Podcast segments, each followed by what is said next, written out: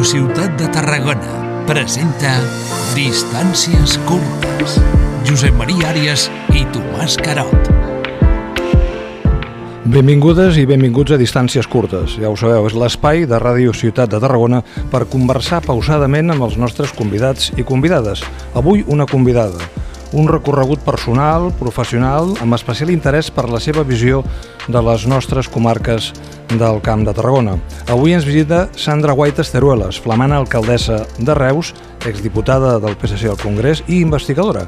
No abunden els científics en la política, una circumstància que potser els partits s'haurien de replantejar més neurona i menys testosterona.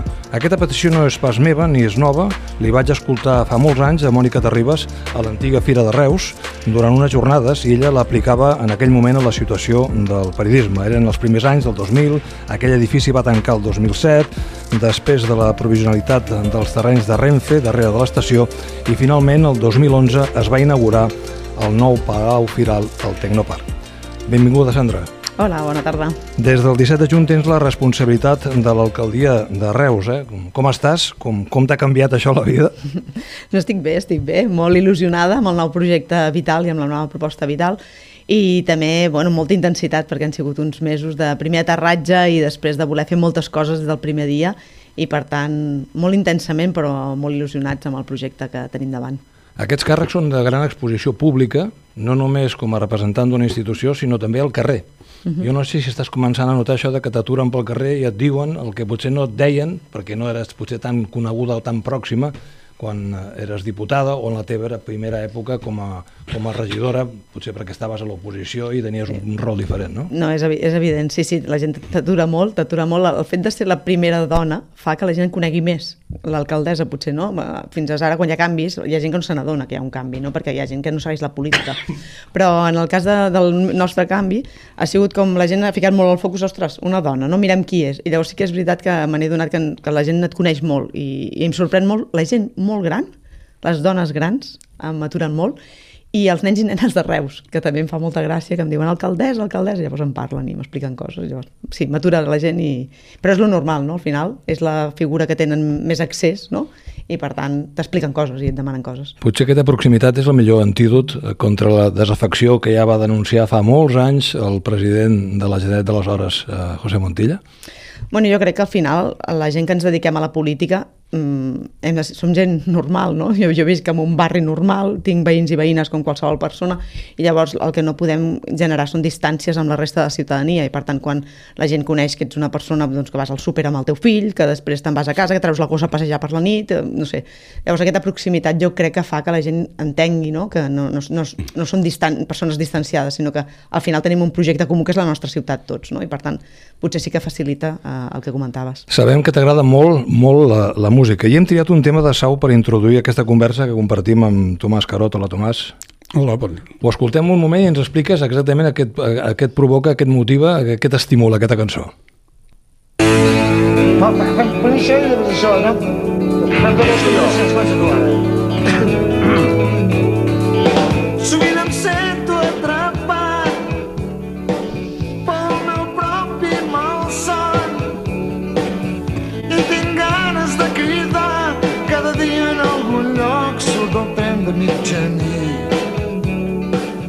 Els més joves potser no ho acabaran d'identificar, tot i que a vegades tenim sorpreses, però Sau va ser un grup emblemàtic, un grup que encara, encara funciona, però que als anys 90 va fixar un, un punt d'inflexió no? de, de la música en català i també d'una mena de canvi generacional. No? Eh, aquest record, quins són els primers records que et porten jo d'aquella època, si recordeu, era Sau, els pets, sopa de cabra, i, i hi havia Sant Traït també, jo no era tant de Sant Traït, però sí que era d'Alex Busto, i, i per tant, per nosaltres, jo vaig créixer amb aquesta música, i de fet Sau, hi havia els, el, els pro-Sau i els anti-Sau, no? hi havia com a sectors també aquí, jo era dels molt pro-Sau, i per tant són records supermacos, i de fet jo als meus fills els hi fico molt, em diuen, mama, Sau, fica, i llavors escoltem música eh, catalana actual, que hi ha gent molt bona, però també escoltem no, música als 90, que per mi crec que van canviar la, també la percepció de la música catalana en aquell moment, als 90. Uh, els pets que els esmentaves tu ara seran protagonistes indirectes la setmana que ve perquè tenim com a convidat el Joan Reig, que tot i que ha fet ja darrerament una carrera en solitari també, però és conegut com el bateria del grup emblemàtic de, de, dels pets. Mm, tornem a la part més personal, la conciliació de la vida política amb la vida familiar, amb els teus fills. De fet, t'havies entrenat ja perquè com a diputada al Congrés ja, ja t'obligava a fer aquests, aquests equilibris. Ara com a alcaldessa això ha millorat, ha empitjorat, eh, els, els veus més o els veus més tard? Bé, això, eh, al final, eh, qualsevol persona que treballa moltes hores al dia, no? Eh, les mares i els pares que, que ens dediquem moltes hores a la feina, eh, hem de fer equilibris, no? tots, eh, per intentar conciliar. La conciliació a casa nostra no és un tema, és una, una, una tarea pendent, com si diguéssim, no? Uh, L'avantatge que tinc és que els meus fills uh, entenen això, perquè jo quan em vaig quedar embarassada, el meu segon fill ja era regidora a l'oposició, per tant, el petit ho ha vist tota la vida, no? I el gran era molt petit, i per tant ho entenen perfectament i de fet els, són els meus suporters màxims. Per tant, de fet ells em segueixen i em diuen mama vas dir que faries això no ho has fet o això que has fet està molt bé, bé, sí, home, que sí, sí, em fan, em fan el seguiment em fan el seguiment. Per tant, bé, jo agraeixo molt a la, a la meva família que, que també són les peces imprescindibles perquè això pugui funcionar i com a investigadora es treballa més a la recerca o en política? es treballa diferent. El que passa que hi ha un objectiu comú, que és el servei públic. Jo, quan vaig, quan, quan vaig decidir que volia ser investigadora, va ser amb 14 anys, i fins que no vaig ser no vaig parar, allí em fico, l'ull fico la banya, no?, que diuen, i, i la veritat, la, la vocació era això, d'ajudar la gent no? en aquell moment, uh, i en, en política una mica passa el mateix. Al final, no? és veritat que la política potser està molt denostada, però hi ha molta gent que està vinculada a l'àmbit polític, molts alcaldes, alcaldesses de municipis, que treballen per ajudar a la gent del seu municipi, no? i per tant aquí té vinculació. I, i apliques eines o tècniques de la recerca, perquè en definitiva no deixa de ser recercar investigar el que és els problemes d'una ciutat i tot això. No? La recerca a l'hora de trobar els equilibris per aprovar pressupostos, tot i que teniu majoria absoluta a l'Ajuntament, no? però no està de més intentar a vegades que, que l'acord sigui més ampli. Sí, primer això, i segon, posar la ciència a la base, a la base del nostre... La ciència i el coneixement a la base de la nostra societat. Nosaltres volem transformar la societat, però com a la base de transformació ha de ser el coneixement, no? no ens podem basar en idees surrealistes que algunes estan corrent avui en dia pel món, no? Nosaltres volem basar el nostre creixement coneixement, la nostra base social en el coneixement i per tant jo crec que és molt oportú no? el coneixement científic aportar-lo també en la, en la política. No t'has desvinculat del tot de la universitat ni de la recerca, però ara ocupa un lloc secundari.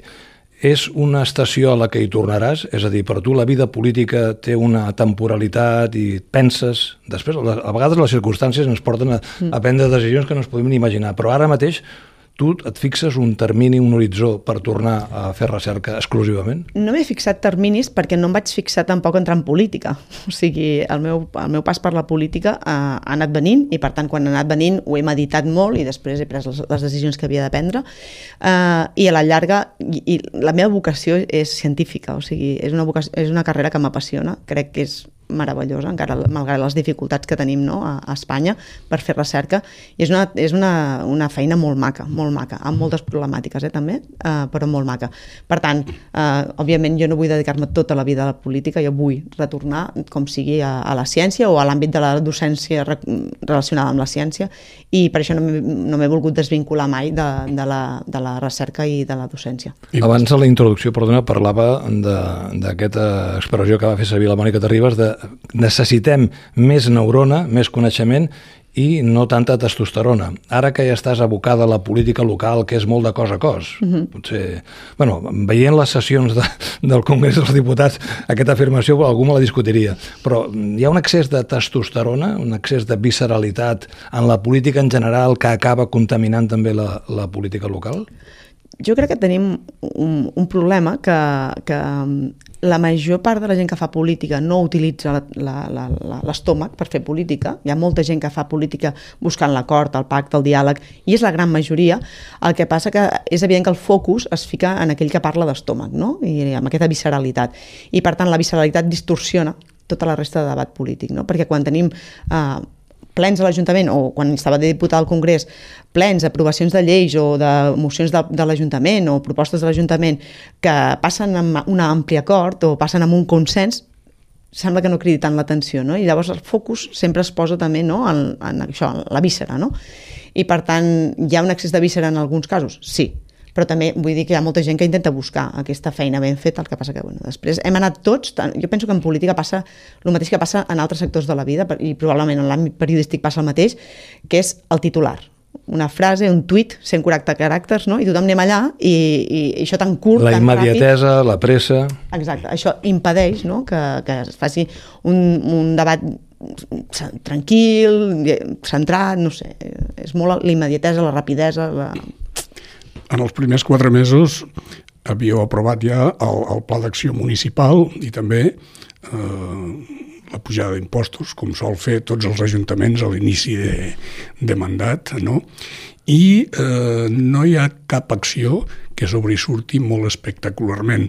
És una qüestió volguda, és una qüestió imposada per circumstàncies o és una estratègia és una, una qüestió, eh, o sigui, tenim un pla inversor molt important a la ciutat, són més de 25 milions d'euros, i el que no volíem és projectes estrella que no s'acabin complint i, per tant, que quedi diluït el pla d'inversor. No?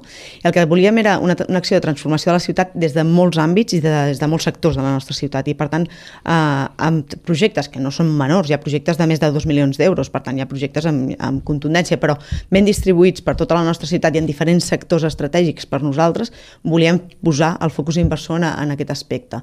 I després el tema del, dels pressupostos o, o de les taxes i ordenances fiscals, al final portem molts dies dient-ho, però és que Reus no és que sigui un bolet al mig de, de l'univers, no? I al final la situació financera dels ajuntaments a Catalunya i a la resta de l'Estat és molt preocupant i de fet les federacions de municipis s'han queixat ja, les diverses que n'hi ha, o sigui, no ha sigut una sí i l'altra no, no, s'han queixat del finançament municipal perquè al final els municipis acaben eh, assumint molts serveis pels quals no tenen competència però que ho volen fer perquè al, al final els reusencs i reusenques no, em demanen a mi, a mi coses i l'alcaldessa ha de treballar perquè ho puguin tenir i assumint costos que a vegades no es cobreixen amb, amb el pressupost que tenim, no intern, sinó el que ens, que ens ve d'altres administracions. Per tant, eh, aquí la reivindicació de que el, els finançaments municipals s'han de revisar, s'han de revisar per part dels organismes superiors i això no és una reivindicació de l'Ajuntament de Reus, sinó és una reivindicació dels ajuntaments en general. I la major... el, el, el, el, no, no, digues, digues. el Reus d'aquí quatre anys com serà, com el visualitzeu? Feu? Nosaltres hem començat, mm, primer hem començat amb accions que pensem que han de transformar la nostra ciutat. Nosaltres hem, hem marcat l'acció de, govern, de govern amb tres eixos, que està dins del pacte de govern, dins del pla d'acció municipal i eh, la primera pota del pla d'acció municipal és el pressupost del 24 i per tant hem volgut començar a transformar la ciutat. Primer, eh, amb accions de micropolítica que se li diuen, però no micro perquè sigui menys, sinó perquè són accions del dia a dia que la ciutadania et demana, no? neteja, via pública, eh, polítiques de seguretat, polítiques d'habitatge, o sigui, l'eix centrat en les persones, aquest és molt important perquè mm, pensem que estava una mica deixat de la mà. I això ens ho havia reclamat la ciutadania en campanya electoral i després de la campanya electoral, per tant aquest eix, però després en dos eixos molt importants per a la transformació, que és la política de promoció econòmica basada en la ciència i en el coneixement i la ciutat verda i sostenible mm, per primer per una necessitat imprescindible amb el planeta, però després per convicció, òbviament. I amb això es començarà a transformar la ciutat. Tenim ja accions de promoció econòmica, tenim ja dues accions que s'han anunciat en els primers dies, que ha sigut el, te el tema de P3 logístic, que ve a la part sud de la ciutat, una gran au logística, i s'està mirant quina és l'empresa que l'utilitza.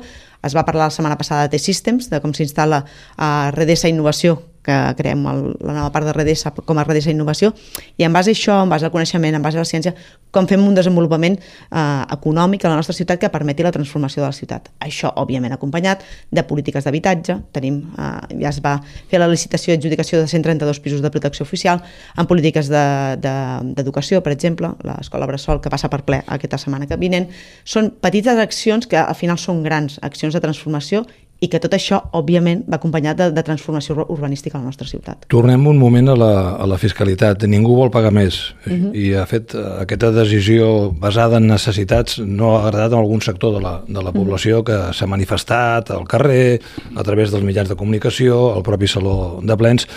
No sé què, què els li has dit. Quin ha estat l'argument, diguem-ne, indiscutible per dir, escolteu, és que no hi ha més remei, si voleu serveis hem d'apujar els impostos.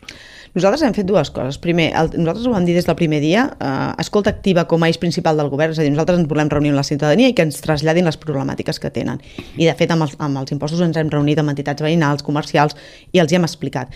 I, I segon, hi havia un compromís, un compromís que vam adquirir el mes de març, de maig, que era eh, nosaltres presentem aquest programa de govern i el volem executar des del primer dia perquè la ciutat no pot esperar més.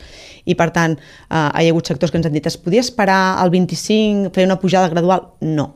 Des del nostre punt de vista, la ciutat porta molt de temps aturada i per tant s'han de fer accions des del primer dia. I jo ho he dit sempre, si algú es pensava que la nova alcaldessa es quedaria fent el mateix que es feia fins ara, s'ha equivocat d'alcaldessa, perquè jo vaig dir sempre que veníem, o sigui, l'eslògan de campanya era canvi, i per tant aquí venim a canviar les coses. I les coses es canvien des del minut 1 no ens podem esperar perquè la nostra ciutat no es mereix més espera.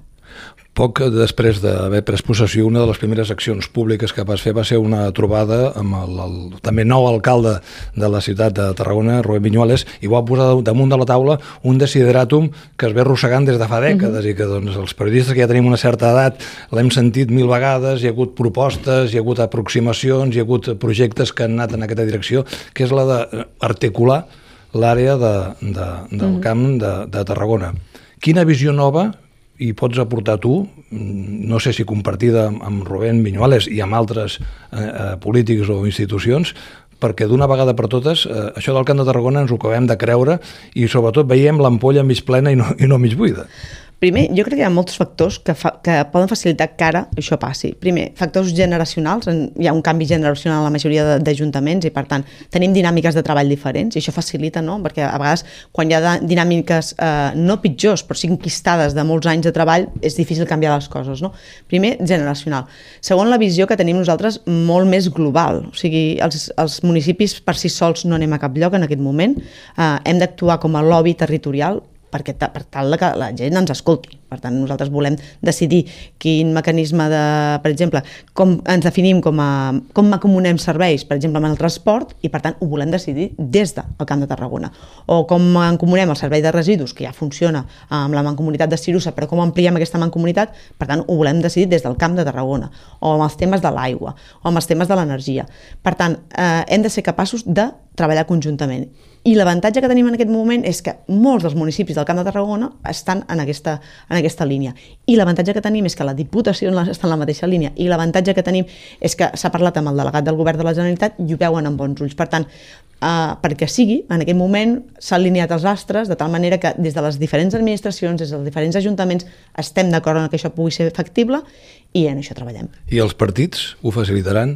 Ho dic perquè és una evidència aquest canvi generacional, heu arribat gent amb una altra edat, amb una altra visió, amb una altra experiència, però els partits que us sustenten tots, eh, són partits que tenen una trajectòria i els que tenim una mica de memòria recordem que moltes vegades les iniciatives que sortien més o menys consensuades del territori, quan arribaven al Parlament de Catalunya embarrancaven o quan hi havia una petició d'estudiem una nova fórmula de governança hi havia com una recança per part del govern de la Generalitat i en alguns moments per part del govern de l'Estat uh -huh. de cedir facilitar per compartir no? la gestió d'aquest àrea. Jo, clar, no puc parlar per la resta de partits, perquè la resta de partits no sé com tenen, sé el que he parlat amb la resta de, de dirigents polítics de, del territori, no? però jo puc parlar pel nostre, nosaltres ho hem traslladat i això, o sigui, no s'ha quedat tan sols al Camp de Tarragona, nosaltres hem parlat amb el Salvador Illa, de fet volem portar accions al Parlament de Catalunya també, en la mateixa línia, no? perquè el Parlament ha d'aprovar tota el, el, la, la regió metropolitana, no?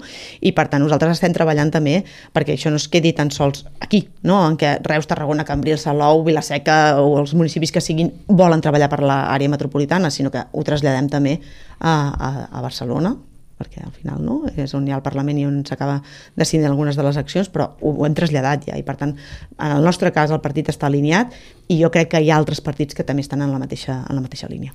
Perquè la gent el que volen són serveis. Mm, al final exacte. la ciutadania, a vegades és, és, és difícil d'explicar o, o difícil d'entendre que els límits eh, del terme municipal sí. són una dada, una dada, no són la dada, i mm -hmm. que la gent es mou. Exacte. Es mouen, la universitat ha jugat un paper d'estimulador d'aquesta mobilitat en temes laborals, en temes, en temes d'oci, no? Totalment, o sigui, una cosa claríssima, per exemple, que ens reclama molt la gent i que la gent ens entén més conceptualment el tema de regió metropolitana, és el tema del transport o sigui, el transport públic, no? la concessió que acaba el 28 eh, del transport públic, eh, ho podem decidir nosaltres com volem que sigui el transport al nostre territori. Uh, el tema del tramvia és una gran eina també metropolitana que podem tenir des del territori hem de poder decidir també, eh, òbviament, de la mà de la Generalitat, però hem de poder decidir també el traçat d'aquest tramvia, no? I ho hem de decidir nosaltres, o sigui, des de Barcelona potser veuen una cosa, però des del territori sabem el que passa als nostres municipis i com podem enllaçar no, els diferents municipis.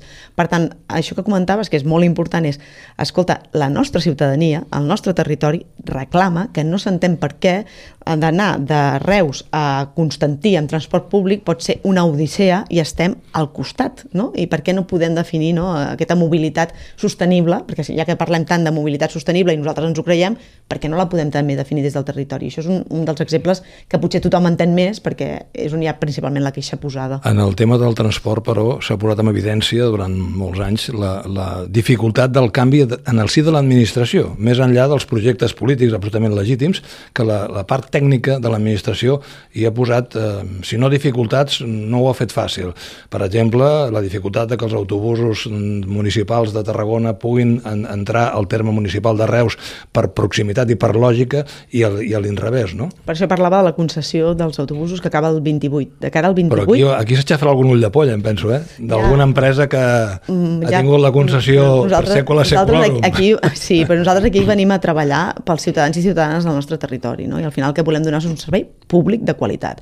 I al final el que, el que estem treballant els alcaldes i alcaldesses és perquè el nostre territori tingui els millors serveis. I per tant, de cara al 28 s'ha de treballar en aquesta línia i, i el servei de transport públic és imprescindible. Per tant, d'alguna manera s'acaben les polítiques de campanar que potser han dominat, eh, sobretot a finals del segle XX.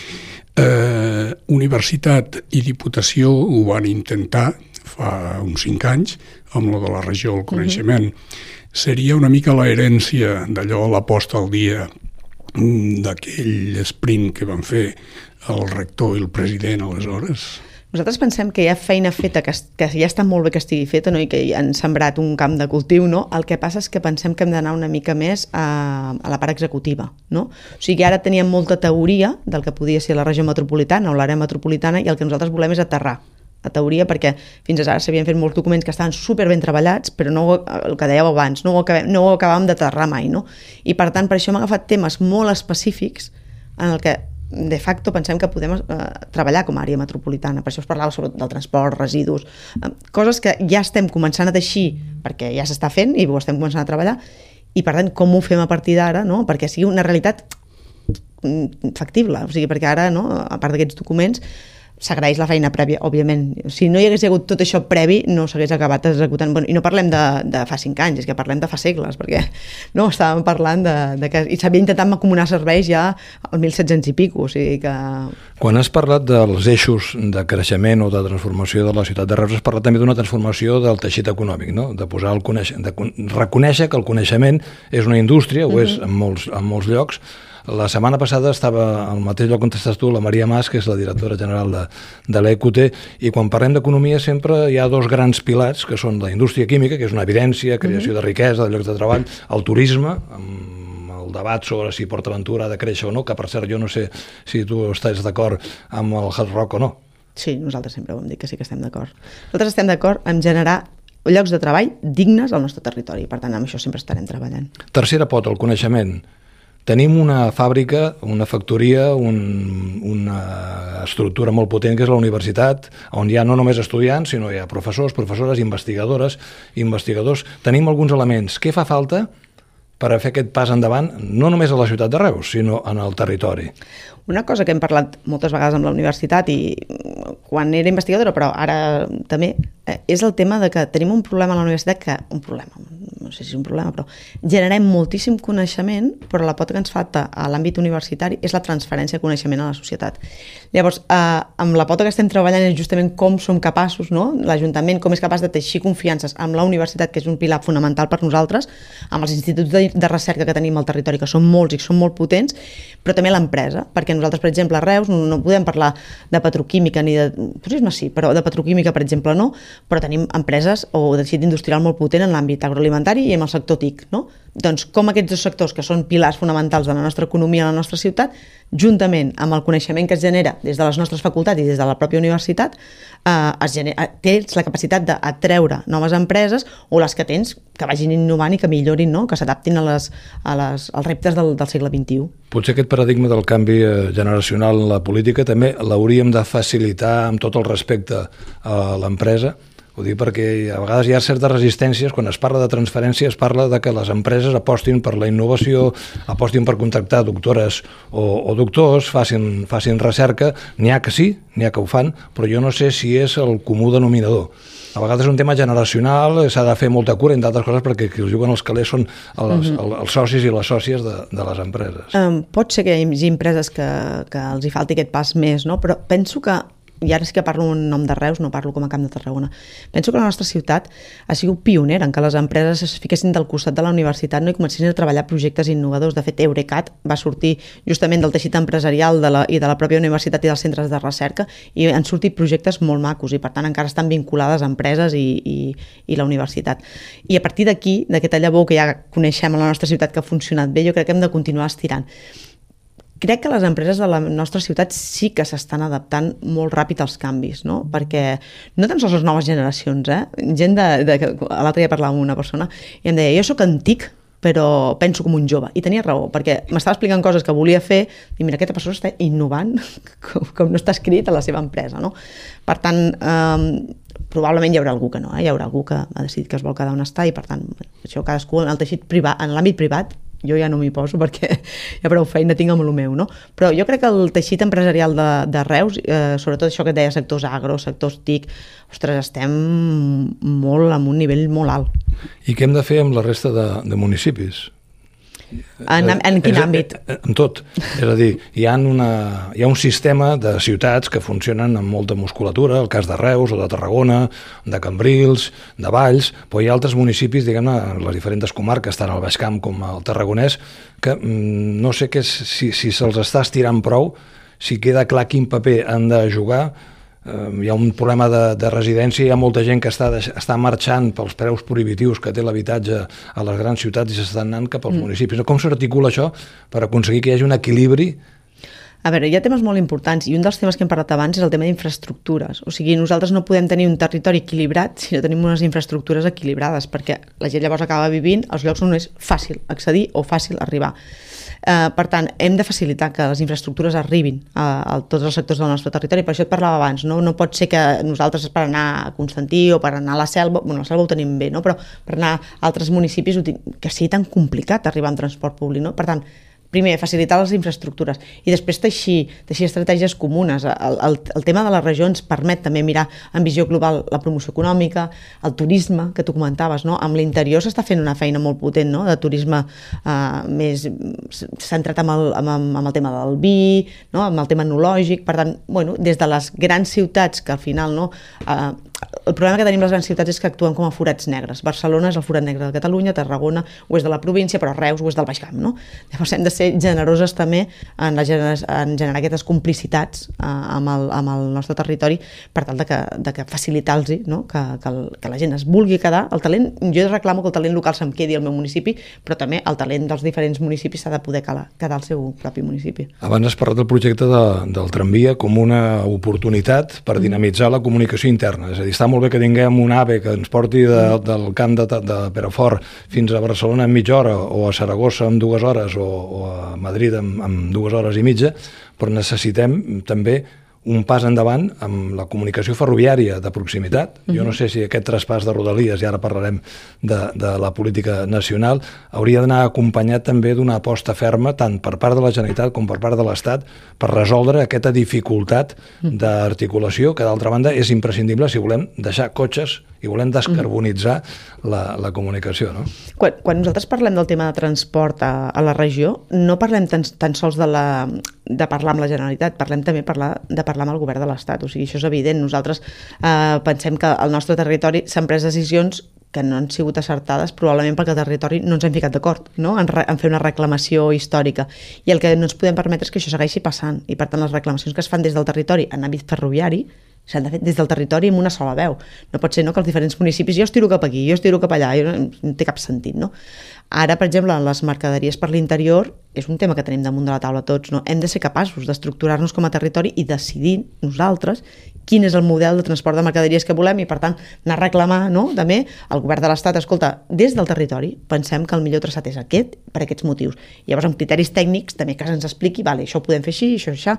Per tant, sí, eh, tens tota la raó, s'ha de.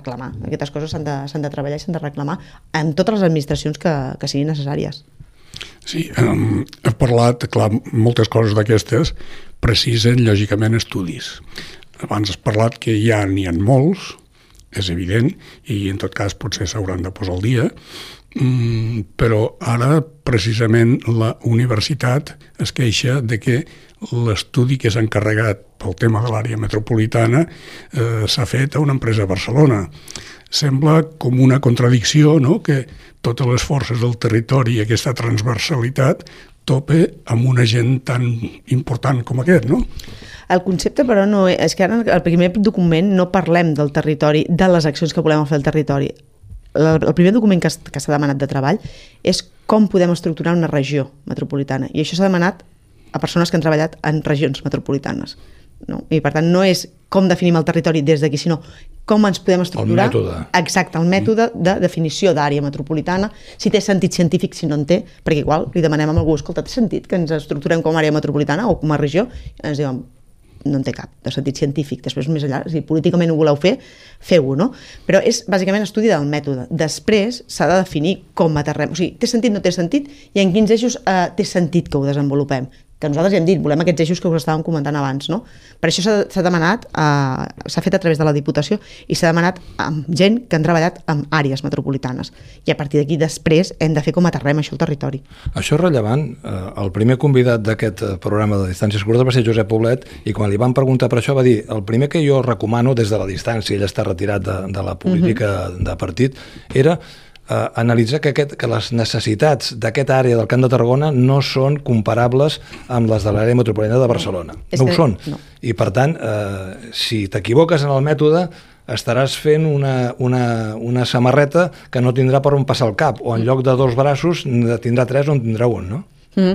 És que, de fet, a les persones que se'ls han encarregat, jo, jo això ho sé a posteriori, perquè et dic, ho, ho, han de, ho han demanat des de la Diputació, no tan sols van estar treballant a àrea metropolitana de Barcelona, han estat treballant a àrea metropolitana de València, en altres àrees metropolitanes, per tant, tenen una visió del mètode, no de... I, i nosaltres sempre, si t'hi fixes, no parlem normalment d'àrea metropolitana, parlem de regió, perquè nosaltres no volem ser una petiteta àrea metropolitana dos, no, nosaltres volem tenir entitat pròpia i, per tant, per no, perquè no es confongui amb el que és l'àrea metropolitana de Barcelona, per això parlem de regió metropolitana metropolitana, perquè volem encomunar serveis, tampoc volem una estructura com l'àrea metropolitana, no? que és, és una estructura jurídica, um, no volem ser una àrea metropolitana de dos, volem tenir estructura pròpia i un sentit propi. S'ha demanat el mètode, el qual no vol dir que diem ens feu un mètode que, que quadri amb el que hi ha... No, no, és que nosaltres volem el mètode propi de la nostra regió.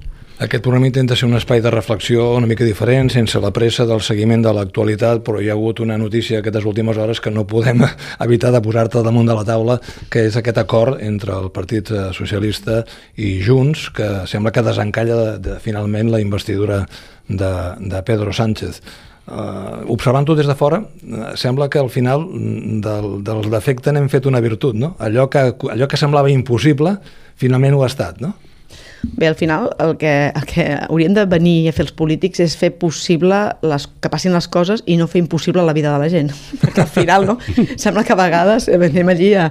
i per tant eh, ho parlàvem abans, no, del tema de la víscera, ens, hem de rebaixar una mica les paraules, el to de les paraules, i buscar en aquells punts en què hi hagi acord i començar a treballar amb l'acord. No? Després ja venen les discrepàncies, perquè òbviament cada formació política té la seva manera de, de veure la vida, no? en general, però busquem l'acord i, i pensem, escolta, què pensem que és millor que governi l'Estat?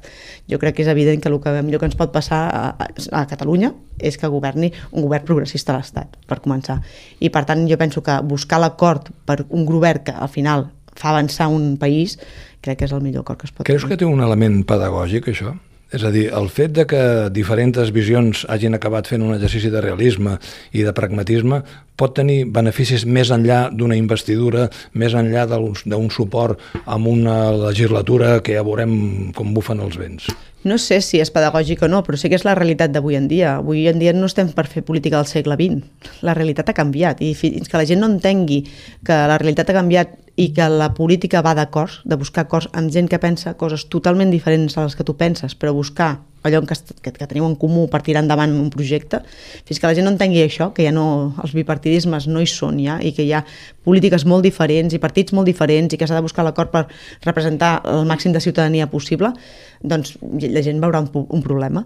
El que passa que potser aquesta gent que veu un problema és que no se n'adonen que, que l'Estat no és monocolor, és que l'Estat espanyol té colors molt diversos i per, per tant hem de viure amb la, amb la diferència que és el que enriqueix jo crec a, a, a tot l'Estat. Mm, potser és obvi i evident que el bipartidisme ha acabat definitivament, eh, tornant una mica als inicis i com ja anem tancant, no? Eh, una, una qüestió, la eh, d'aquí quatre anys, el 28, la mobilitat pot ser un dels primers resultats de tots aquests treballs d'esta àrea metropolitana o regió metropolitana i quins altres mm, elements poden haver-hi que es visualitzen eh, participació ciutadana, tots aquests elements que coadjuven la transversalitat sectorial, no? el port, universitat, tots els agents, com ho visualitzes això en aquests quatre anys? Jo crec que el que deies tu del transport és evident perquè, primer, per el que es deia la concessió, però segon, perquè segons les dades que tenim de la Generalitat, el, el segon tram del tramvia en principi arriba a Reus el 28, segons el que se'ns va dir nosaltres, per tant si arriba a Reus vol dir que és la segona fase, per tant vol dir que això estarà bastant desenvolupat, per tant en, en, en mobilitat hauria de poder ja visibilitzar-se algun, algun tema, perquè ho estem treballant d'aquesta manera, per tant aquest és un dels primers punts. El tema de residus, que és una problemàtica que tenim molt gran als ajuntaments, és un altre dels, dels punts que, que estem treballant ja des de Cirusa, des de la Mancomunitat i amb els Consells Comarcals per donar un bon servei hem d'abordar polítiques de l'aigua de manera territorial, perquè això no va de Reus no té aigua, de Tarragona no té aigua, Vilaseca no té aigua, no, no, és que la visió ha de ser territorial i per tant el CAT eh, sí que està treballant en aquesta línia, però hem d'anar molt més enllà. Eh, en política de promoció econòmica, i aquí ho lligo no tant als promoció econòmica lligada a la indústria, que també, sinó al turisme, per exemple, no? quina visió turística i empresarial i industrial volem al nostre territori, i això ho hem de treballar entre tots i totes, no?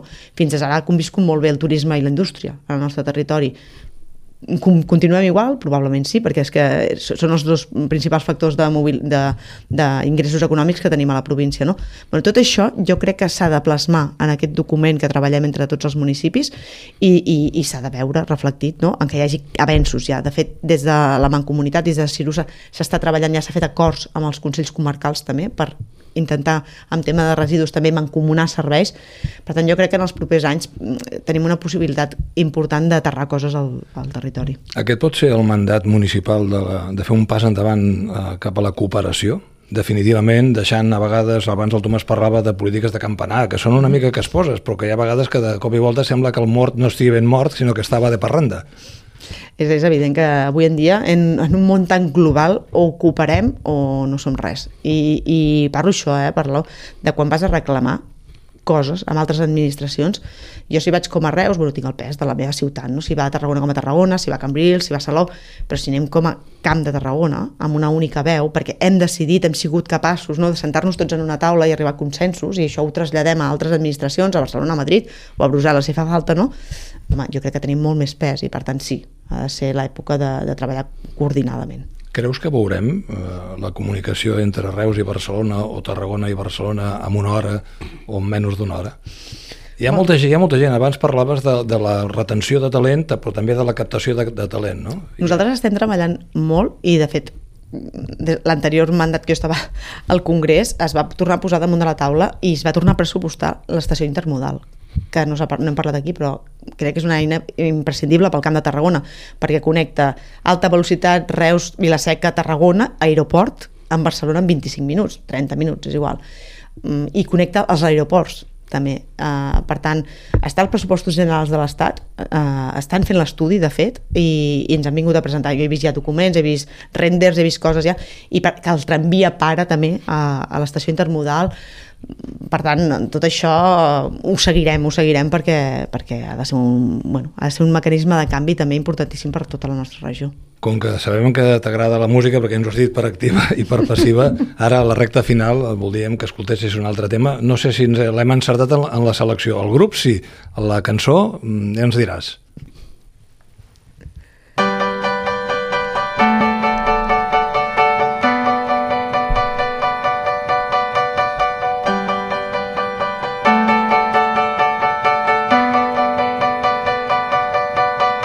Los raros fuimos al concierto del gran telepata de Dublín. Media hora antes invadimos el metro. Yo iba obligado y tú en éxtasis. Y tanto estaba 8 como 80 a los fanáticos. No és sau, una mica més de marxa, no? Necessitem una mica més de marxa. Jo sóc molt fan de l'indi espanyol, però molt, sóc molt concertera, molt festivalera. Llavors la gent em diu, surts de nit a la discoteca? Dic, no, però me'n vaig a festival sempre que puc. I per tant, si, si ho heu encertat en el grup i en la cançó també. Necessitem més marxa? Necessitem marxa a tope. Sí, necessitem que, que la gent siguem més intensos en la en les ganes de fer coses i en fer-les, no tan sols en que ens quedem amb les ganes, no? Hem d'abocar-hi moltes energies en què en el territori passin coses. Hem de ficar tota l'energia possible i necessitem marxa al territori. I més protagonistes? És a dir, un canvi generacional que faci de locomotora perquè hi hagi altres generacions que no es despengin. Al contrari, que aportin experiència, visió... Totalment. O sigui, el tema intergeneracional crec que és molt important. Eh? O sigui, les diferents generacions eh, i, i és que, és que ens costa molts diners Inter... formar la gent. No parlo solament intergeneracional, però també una visió des de diferents eh, sectors. O sigui, sempre ho dic, no? quan en una mateixa taula ajuntes gent que no s'entén no parlant, però al cap de sis hores arriben a un punt en comú des de visions totalment diferents. I parlo de, de nosaltres ens passava amb enginyers que parlàvem des de la part mèdica, no, biomèdica. Les primeres reunions ens miràvem i dèiem, no, no sé què m'està dient aquesta persona que tinc davant. I al final sortien projectes espectaculars. Per tant, temes transgeneracionals temes de diferents eh, sectors. Hem de ser capaços de seure eh, i buscar, buscar coses, buscar solucions pel territori i ficar-li molt, moltes ganes i molta marxa, perquè sí, el territori necessita Crec energia. que el repte de 2028 eh, és molt adient perquè farà 50 anys del projecte supramunicipal dels 21 municipis. Per tant, crec que ja seria hora, no? Seria un bon moment, seria una fita maca, mira, 50 anys, sí. tot rodó, quedaria. Mig segle. Sí, perquè no, no és només començar, sinó implementar i mantenir, perquè hi ha hagut iniciatives, el Consorci del Camp de Tarragona, alguns ho recordaran, o la Mesa Socioeconòmica. El més recent és aquest projecte que té un enfoc diferent, que és la regió del coneixement, és a dir, que té instruments per tant, no és un problema només d'instruments, sinó d'instrumentistes, de qui, fa, qui, fa, qui toca la guitarra o qui toca el violí. Per això et deia que els projectes que havien hagut, jo crec que són molt interessants i, si, bueno, segur que els heu llegit, no? Si ho mireu i són brillants. El que hem de ser capaços és d'aterrar-ho, llavors, eh, no? Perquè conceptualment estan molt bé, però com ho aterrem perquè això sigui una realitat, no? I el que ens ha faltat és saber-ho aterrar al territori. Potser un cop de puny damunt de la taula a vegades quan hi ha hagut pressions o visions discordants dels partits de cadascun dels líders d'aquest territori, que a vegades han, han, han cedit, diguem-ne, oh, no, no convé, ara no, no és el moment. Mira, uh, quan vaig ser... El... Parlo en general, eh? Sí, sí, sí, no, no, no, no, no, no, no, no, no, PSC, és, és, és que t'anava donant la raó, a més a més. Uh, sense que serveixi de precedent. um, quan el primer dia que vaig sortir com a alcaldessa, uh, un alcalde històric del PSC em va dir uh, Sandra, el primer de tot, ara ets alcaldessa de Reus i després ets altres coses i per tant t'hauràs de barallar amb el PSC i t'hauràs de barallar amb el PSC en alguns, en alguns àmbits. I per tant hem de ser capaços de reconèixer que som alcaldes i alcaldesses dels nostres municipis i el primer que som som alcaldes i alcaldesses dels nostres municipis. Per tant, si tanquem un acord territorial hem de ser capaços de poder-lo defensar davant dels de, nostres partits i davant de, de tercers. Però si hi ha unes eleccions autonòmiques anticipades, hi ha un canvi de govern i li ofereixen a Sandra Guaita ser consellera, dirà que no? Sandra Guaita acaba d'aterrar d'alcaldessa i de moment aquí es queda perquè tenim molta feina a fer a la nostra ciutat i per tant jo crec que tenim Sandra Guaita per dies. Bueno, doncs ja estem a la recta final i en lloc d'acabar amb la sintonia típica, doncs hem posat una altra cançó que esperem que t'agradi. I si no, com que ets una mica eclèctica amb la, amb la música, que t'agraden molts estils, i això penso que està molt bé, no? És una, és una eina de comunicació amb gent diversa. Jo crec que la música ens cura moltes vegades. Llavors jo recomano a tothom que canti, però a grito pelau, que es diu, perquè crec que és molt, molt sonador per tothom. Música a tope i cantar. I a més m'agrada molt la cançó, eh, també, que ho sàpigues. T'agraïm molt que hagis acceptat la, la invitació. Espero que hagis estat còmode amb el Tomàs i amb, i, i amb un servidor si et sembla bé, acomiadem aquest programa amb, amb música. Molt bé, perfecte. Eh? Moltes gràcies. Vinga, fins a la pròxima. Fins la pròxima. Lleva a cabo mi propósito de ser cuchillo y presa a la par. No es tan trágico jugar con la distancia.